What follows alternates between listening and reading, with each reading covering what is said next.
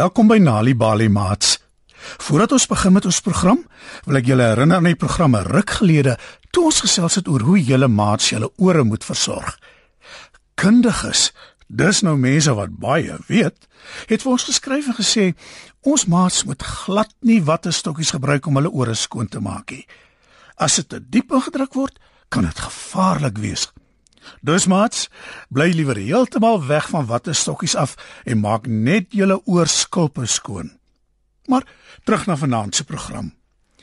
Julle het al almal stories gehoor wat begin met lank, lank gelede, nie waar nie? Ek gaan vir julle 'n storie vertel oor diere en waar hulle vandaan kom, wat hulle lank, lank gelede geëet het en wie die koning van al die diere was.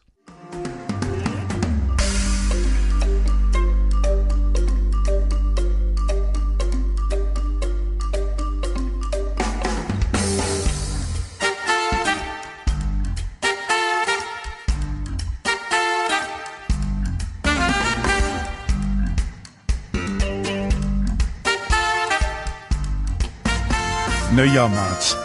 Lank, lank gelede toe die wêreld nog jonk was en die lewe baie anders as nou, was die leeu die koning van al die diere.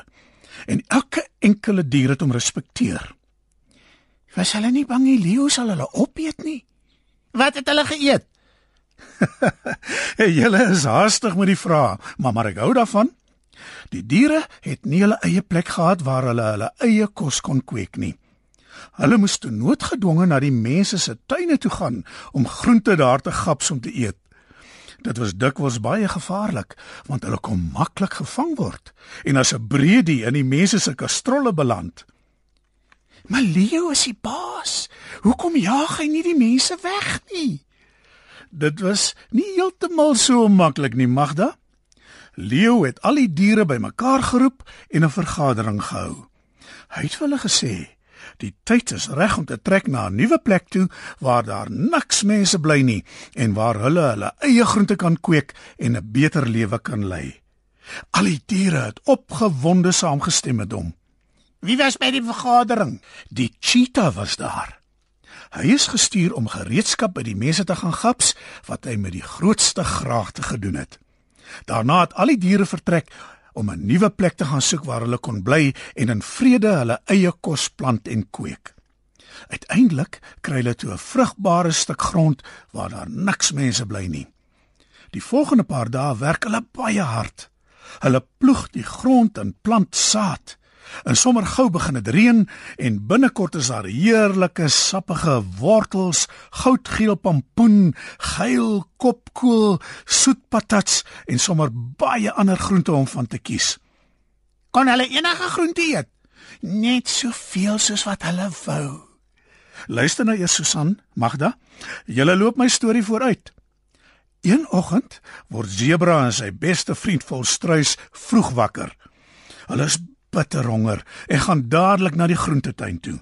Maar daar gekom, steek hulle geskok vas. Alles is weg, elke kriesel kos.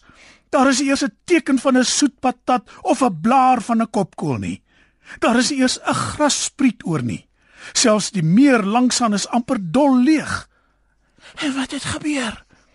Iemand of iets het in die middel van die nag alles gesteel. Al die groente? Hoe kon iemand of iets dit regkry? Ek gaan julle nou vertel. Toe Zebra en Volstruis opkyk, sien hulle 'n berg van 'n dier. Hy is so groot soos 10 olifante saam. Sy vel is nat en sweterig, hy is grysbruin en ruik alles behalwe goed. Arme Zebra probeer dapper wees en vra die monster wie hy is en wat hy wil hê.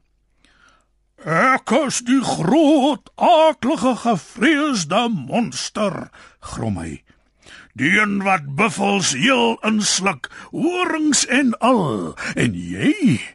Wie is jy, klein sebra, dat jy jou verbeel jy kan my sulke dom vrae vra? Het hulle toe weggehardloop? O ja, so vinnig soos wat hulle bene hulle kon dra. Zebra en Volstruis vertel vir al die ander diere wat hulle gesien en gehoor het. Die diere is nou baie bang, maar hulle koning, koning Leo, paai hulle en sê hy sal met die monster afreken. Daar aangekom, brul hy so hard as wat hy kan. Wie dink jy is jy dat jy 'n my koninkryk kan oortree en die kos steel waarvoor my onderdane so hard gewerk het, gaan onmiddellik weg en moet nooit weer terugkom nie. Raas die koning van die diere.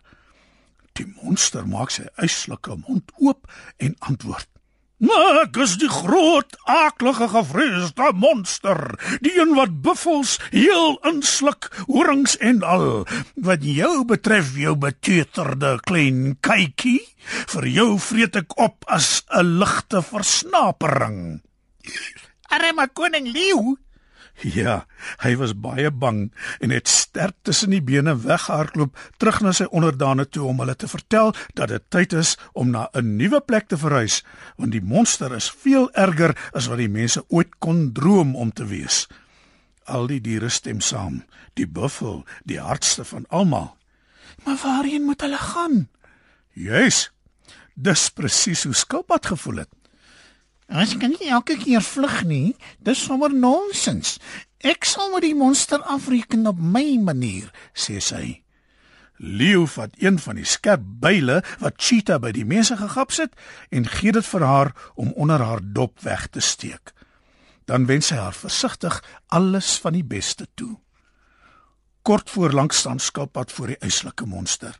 "Hey," roep sy. "Wie dink jy is jy, hè? Dink jy ons is bang vir jou?" O, nee, ons is nie. En nog 'n ding, jy is bitter lelik en jy ruik sleg. So, weg met jou. Dis ons plek, dis nie joune nie. En wat sê die monster toe?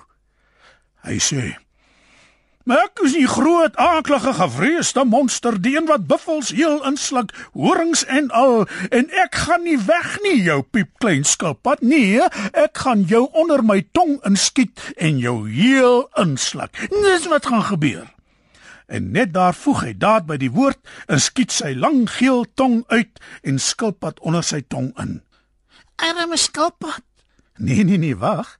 Skilpad verdwyn wel in die aaklige mond van die monster, maar blitsig haal sy die skerp pyl onder haar dop uit en kap die monster se tong daarmee totdat dit afval. Die monster maak aaklige gruiggeluide en spoeg skilpad uit. En dit was die einde van sy skrikbewind. Wat het die ander diere gesê? Al die diere het uit hulle wegkruipplekke gekom en gejuig en die dapper skilpad geprys. Koning Leo het haar as die heel dapperste en mees gerespekteerde inwoner van sy koninkryk bekroon. Wel, naas hom natuurlik. En dit maats is hoe skilpad die diereryk gered het.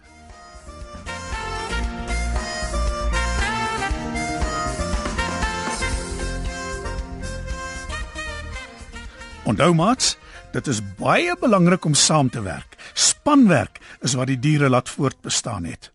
Ons moet altyd iemand anders in ons span se sterkpunte herken en erken. En ons moet altyd 'n plan kan maak in onvoorsiene omstandighede. Plus, wanneer iemand dit verdien, moet hy of sy erkenning daarvoor kry. Weet jy dat deur tuistories vir kinders te vertel en te lees, help om hulle beter te laat presteer op skool? As jy nog stories wil hê om vir jou kinders te lees of vir hulle om self te lees, gaan na www.nalibali.mobi op jou selfoon. Daar sal jy heelwat stories vind in verskeie tale. Jy sal ook wenke kry oor hoe om stories vir kinders te lees en met hulle te deel sodat hulle hulle volle potensiaal ontwikkel. Story Power. Bring dit huis toe. Besoek ons op www.nalibali.mobi of kry Nalibali op Facebook en mix dit. Die Nali Bali Baila met pragtige stories en heelwat aktiwiteite is beskikbaar in KwaZulu-Natal, Sunday World, Engels en isiZulu. Gauteng, Sunday World, Engels en isiZulu. Vrystaat, Sunday World, Engels en Sesotho. Weskaap, Sunday Times Express, Engels en isiXhosa. Ooskaap, The Daily Dispatch Dinsdae en The Herald Donderdag, Engels en isiXhosa.